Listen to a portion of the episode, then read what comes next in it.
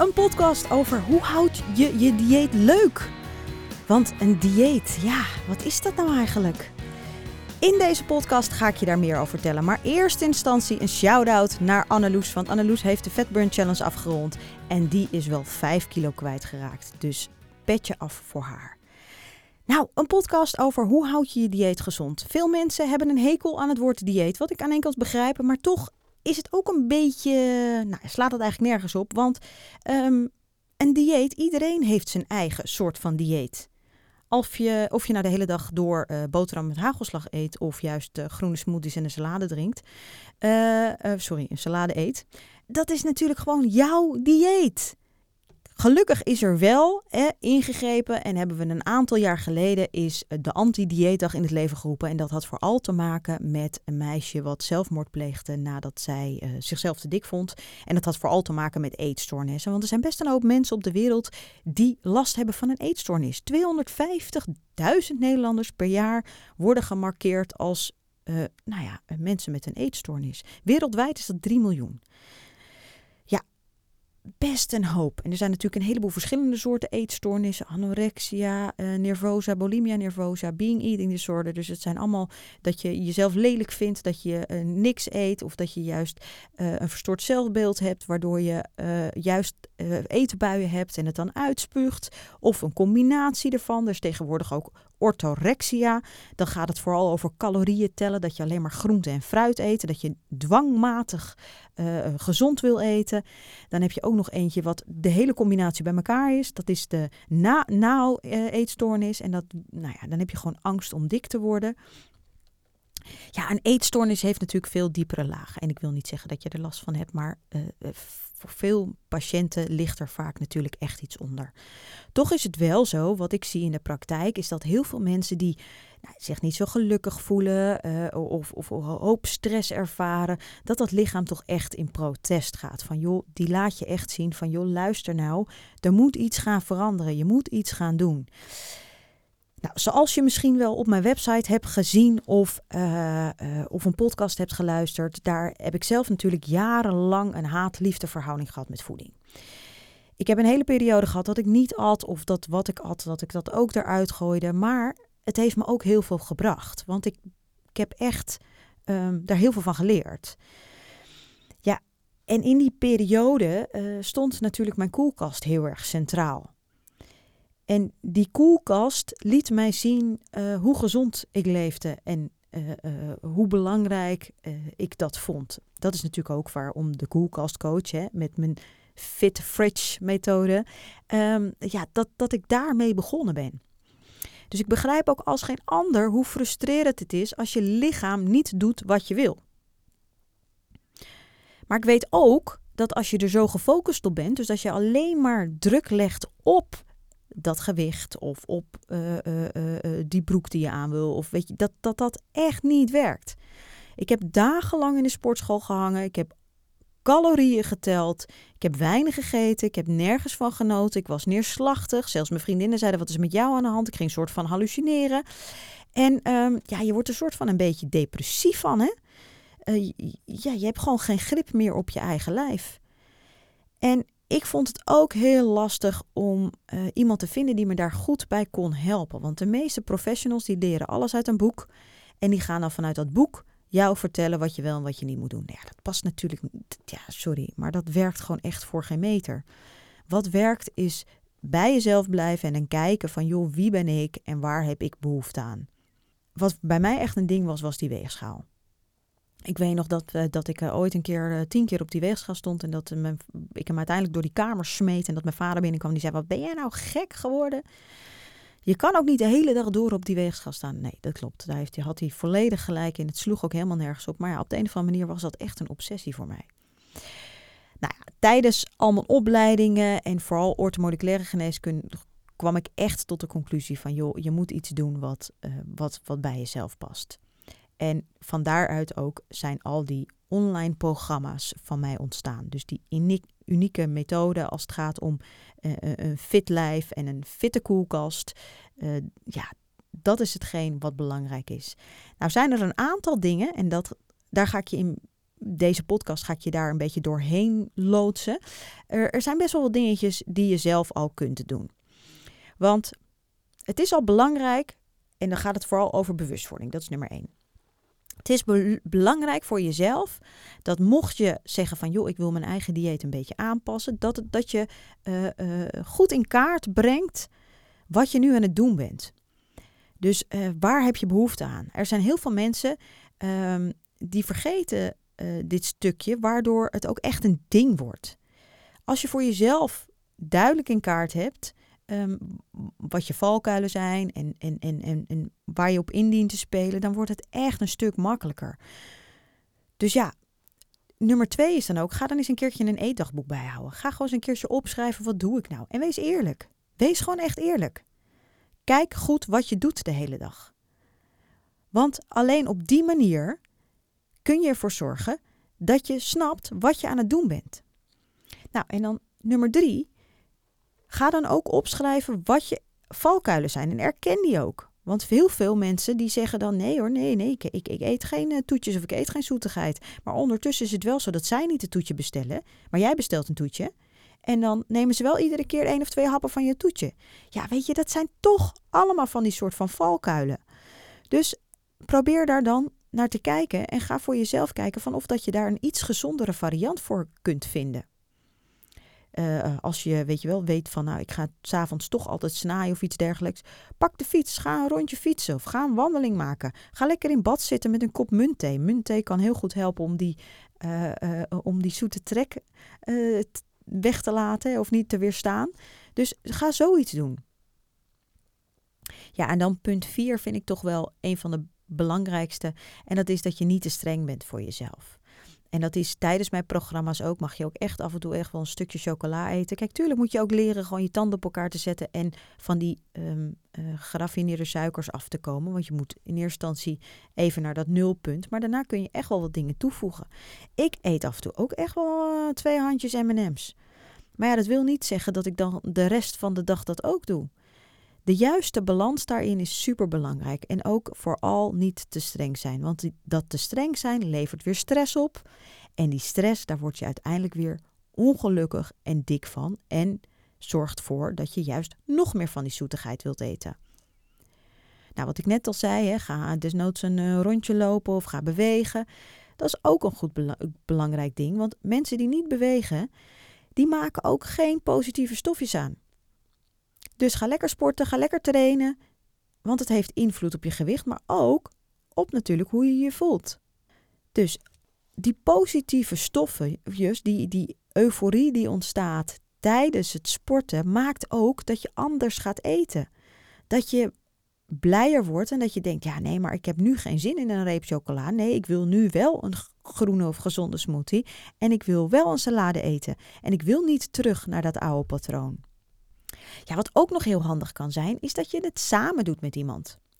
Thuis, weet je, als iemand niet mee wil doen, doe het dan lekker met een buurvrouw of een vriendin of een buurman. Kan mij het schelen. Iemand die je ondersteunt. Iemand die je helpt dat gezonde dieet of dat gezonde patroon vast te houden. Want ik kan me heel goed voorstellen, althans, daar, daar heb ik. Ik heb, daar ik heb daar geen last van, want ik ben zelf sterk genoeg. Maar ik heb ook wel mensen om me heen die heel graag uh, een alcohol, wijntje drinken of heel veel uh, ongezonde dingen eten. En natuurlijk doe ik af en toe mee. Maar ik heb daar ook mijn grens in. En dat is omdat ik voor mezelf heel goed weet van oké, ik wil me niet meer zo voelen of ik wil niet meer daarnaar terug. Dus probeer het met z'n allen te doen en probeer thuis ook een bepaalde balans daarin te vinden, zodat het allemaal een stuk makkelijker wordt voor iedereen thuis. Dus in plaats van dat je twee verschillende dingen moet koken, probeer dan een combi te vinden. Weet je wel, dat je voor de een bijvoorbeeld toch iets van los van pasta erbij maakt als ze dat graag willen, maar uh, iets wat jij dan iets minder lekker vindt, zodat je dat dan niet gaat eten. Probeer daar uh, de juiste balans in te vinden en het ook echt uh, positief te houden en met elkaar daarover te communiceren. Ja, en dan wat voor mij dan de belangrijkste was, was gewoon die weegschaal de deur uit. Want die weegschaal, ja, dat uh, is echt uh, killing voor iedereen. Die weegschaal brengt zoveel ellende met zich mee en het zegt zo weinig. Want de ene dag hou je meer vocht vast, de andere dag uh, heb je meer bepaalde hormoonschommelingen, waardoor je gewicht weer anders is. En dat heeft zo ontzettend veel invloed op die weegschaal. En wat er van de, aan de binnenkant gebeurt, zie je niet op die weegschaal. Dat zie je gewoon niet. En dat is ook zeker tijdens mijn programma's, als je gaat lezen op, op mijn pagina's. Ja, dat is ook echt waar ik voor sta. Ik heb liever dat je pas na vijf weken een keertje op die weegschaal gaat staan, dan dat je dat iedere week doet. Want het heeft echt zo ontzettend weinig zin. Voordat ik verder ga met de volgende tips, nog eventjes dit. Vind je deze podcast waardevol? Dan is je donatie meer dan welkom. Hierdoor maak je het mij mogelijk deze podcast voor je te blijven maken. Ga daarvoor naar dekoelkastcoach.nl slash doneer. Alvast ontzettend bedankt. En dan de, een van de laatste tips gaat over het proberen. Blijf altijd doorgaan. Ga niet bij de pakken neerzetten. Het, ieder stapje die je zet is een stap gezet in de goede richting. Probeer ook zoveel mogelijk op te letten met wat je koopt. Ga uh, niet met een lege maag naar de supermarkt. Blijf uh, uh, lekker vol, weet je wel. Blijf gewoon bij je gezonde visie. Probeer zoveel mogelijk um, met een positieve gedachte of een positieve zin naar je eetpatroon te kijken. Ik snap heel goed dat als je een dag eventjes niet lekker in je vel zit en dat je wel gewoon iets van een hand van die dropjes hebt genomen uit die pot, dat je dan denkt, ja, het heeft allemaal geen zin meer. Maar dat is echt, echt onzin. En je lichaam kan echt zeker, als je al, een gezond eetpatroon hebt, kan het echt wel die, die 16 dropjes kan het echt wel, echt wel verteren. Misschien dat je een beetje buikpijn krijgt en een onwijze energiedip. Maar blijf proberen, blijf volhouden. Ga niet bij de pakken neerzitten. Zoals ik vroeger had bijvoorbeeld. Stel dat ik bijvoorbeeld ochtends een boterham met hagelslag zou eten. Dat had ik niet. Maar dan was mijn hele dag verpest. Dan zag mijn hele dag er niet meer goed uit. En had ik helemaal voor mezelf van oké, uh, uh, dit is niet goed. Dus um, ik, uh, ik stop er gewoon volledig mee. En dan kon ik ook echt de hele dag door bij wijze van spreken snaaien. Maar ga dat niet doen. Accepteer gewoon het moment dat je dat gedaan hebt. En punt. Pak het daarna gewoon weer verder op. Dan voel je je gewoon echt een stuk beter. Nou, schuld en schaamte zijn ook van die dingen hè, waardoor een, een gezond eetpatroon lastig is vast te houden en waardoor het minder leuk blijft.